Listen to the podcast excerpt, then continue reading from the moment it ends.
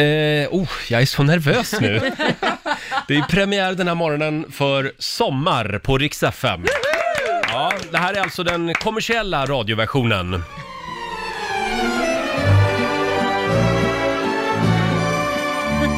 Förlåt, har jag en minut på mig alltså? Ja. En minut bara.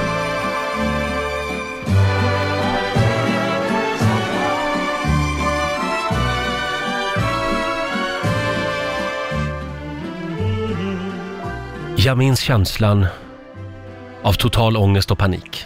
Oj. Jag var 12 år, jag skulle till kiosken i Sätra i Gävle. Jag gick dit en gång i veckan för att handla smågodis.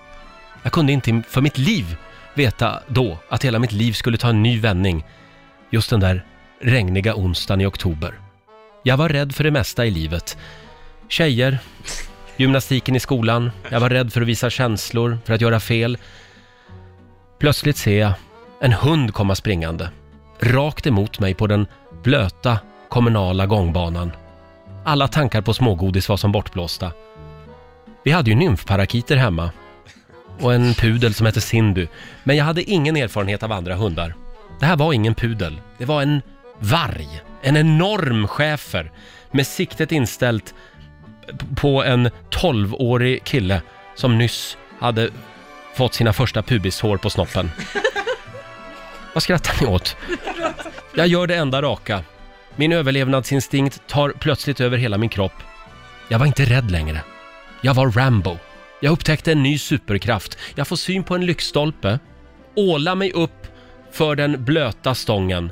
Nu handlar det om att överleva. Jag lyckas ta mig upp 2-3 meter, sitter där uppe strax under själva lyktan. Det fortsätter droppa regn på mitt huvud. Förnedrad och fortfarande lite rädd. Chefen fortsätter att skälla och gläfsa där nere. Men jag var safe. Jag hade klarat det. Jag hade överlevt. Efter de tio minuterna i lyktstolpen så lovade jag mig själv. Aldrig en chefer. Och nu skulle jag satsa på pole dance.